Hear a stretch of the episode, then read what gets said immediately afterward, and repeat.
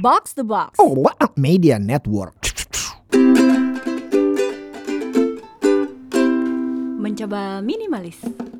Mencoba minimalis mengurangi yang nggak perlu lebih dari sekedar beberes. Di sini ada Avo nih. Di episode kali ini gue mau bahas soal gimana agar temins bisa terhindar atau bisa mengatasi perasaan-perasaan dilematis atau serba salah. Ini mungkin temen sebanyak lah ya yang lagi ngalamin hal ini nih. Kalau kita ambil contoh yang paling simpel dengan situasi yang ada di Gaza sekarang. Temen juga pasti banyak ya menerima seruan-seruan untuk memboikot atau tidak memakai produk atau jasa atau brand yang notabene mereka mendukung Israel. Misalnya ya, di satu sisi, Temins mungkin berpikir, kalau gue boykot produk ini, brand ini, nanti gimana nih nasib teman-teman yang jadi karyawan atau yang jadi staff atau kebetulan kerja di produk atau brand tersebut. Tapi kalau Temins masih menggunakan atau mengkonsumsi produk atau brand tersebut, ya pasti rasanya seperti mengkhianati visi sendiri ya. Berikut ini gue mau sharing beberapa tips agar Temins tidak merasa dilematis atau serba salah ini bukan cuma soal menyangkut situasi di Gaza, tapi juga hal-hal yang terkait sama keseharian kita, dari mulai urusan kerjaan sampai personal. Pertama, Temins bisa coba buat tabel plus minus dari opsi-opsi yang ada. Minimal setidaknya kalau bentuknya tertulis, baik itu berupa mind mapping atau komparasi alias perbandingan, Temins bisa lebih jelas tuh melihat opsi-opsi yang ada, problemnya itu di mana aja, dan solusi apa aja yang bisa diambil. Selanjutnya, pilih opsi yang paling memungkinkan untuk dijalani, walau berat dan atau sambil misuh-misuh. Kalau misalnya Temins berasa mentok nih, coba ambil opsi yang benar-benar di luar opsi-opsi yang ada. Tapi biasanya nih ya, karena opsi ini akan jauh lebih ekstrim, lagi-lagi pilihannya cuma dua, mau komit atau enggak. Lalu, Temits juga mungkin bisa menyadari bahwa di dalam hidup, keputusan yang benar untuk saat ini itu belum tentu akan terus berdampak baik ke depannya. Begitu juga sebaliknya. Jika ada keputusan buruk yang Temins ambil yang dampaknya terasa sekarang misalnya, belum tentu ke depannya keputusan buruk itu akan leading ke hal-hal yang buruk juga. Ini ada contohnya nih dari video game yang namanya Life is Strange. Jadi video game ini berisi perjalanan seseorang di mana dia bisa memutar waktu untuk memperbaiki kesalahan-kesalahan yang dia rasa dia lakukan di masa lalu dan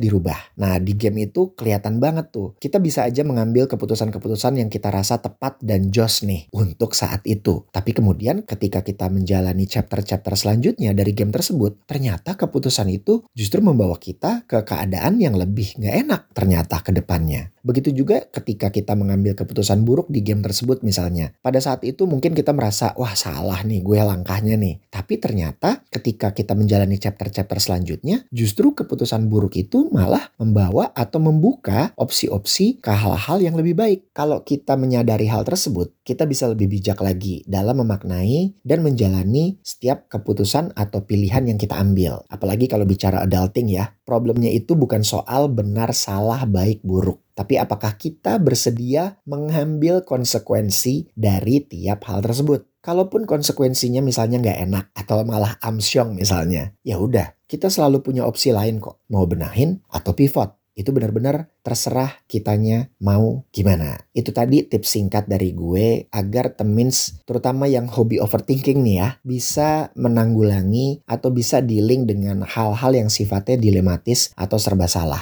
Mudah-mudahan episode ini bisa bermanfaat ya buat temins agar bisa lebih firm dan decisif. Silahkan share episode ini ke temen yang butuhin. Dan jangan lupa juga kasih review bintang 5 di Spotify lewat HP lo. Biar gue sama Puri tambah semangat rekaman episode-episode baru. Kita ketemu lagi di episode yang akan datang. Apa Chaps? Mencoba minimalis.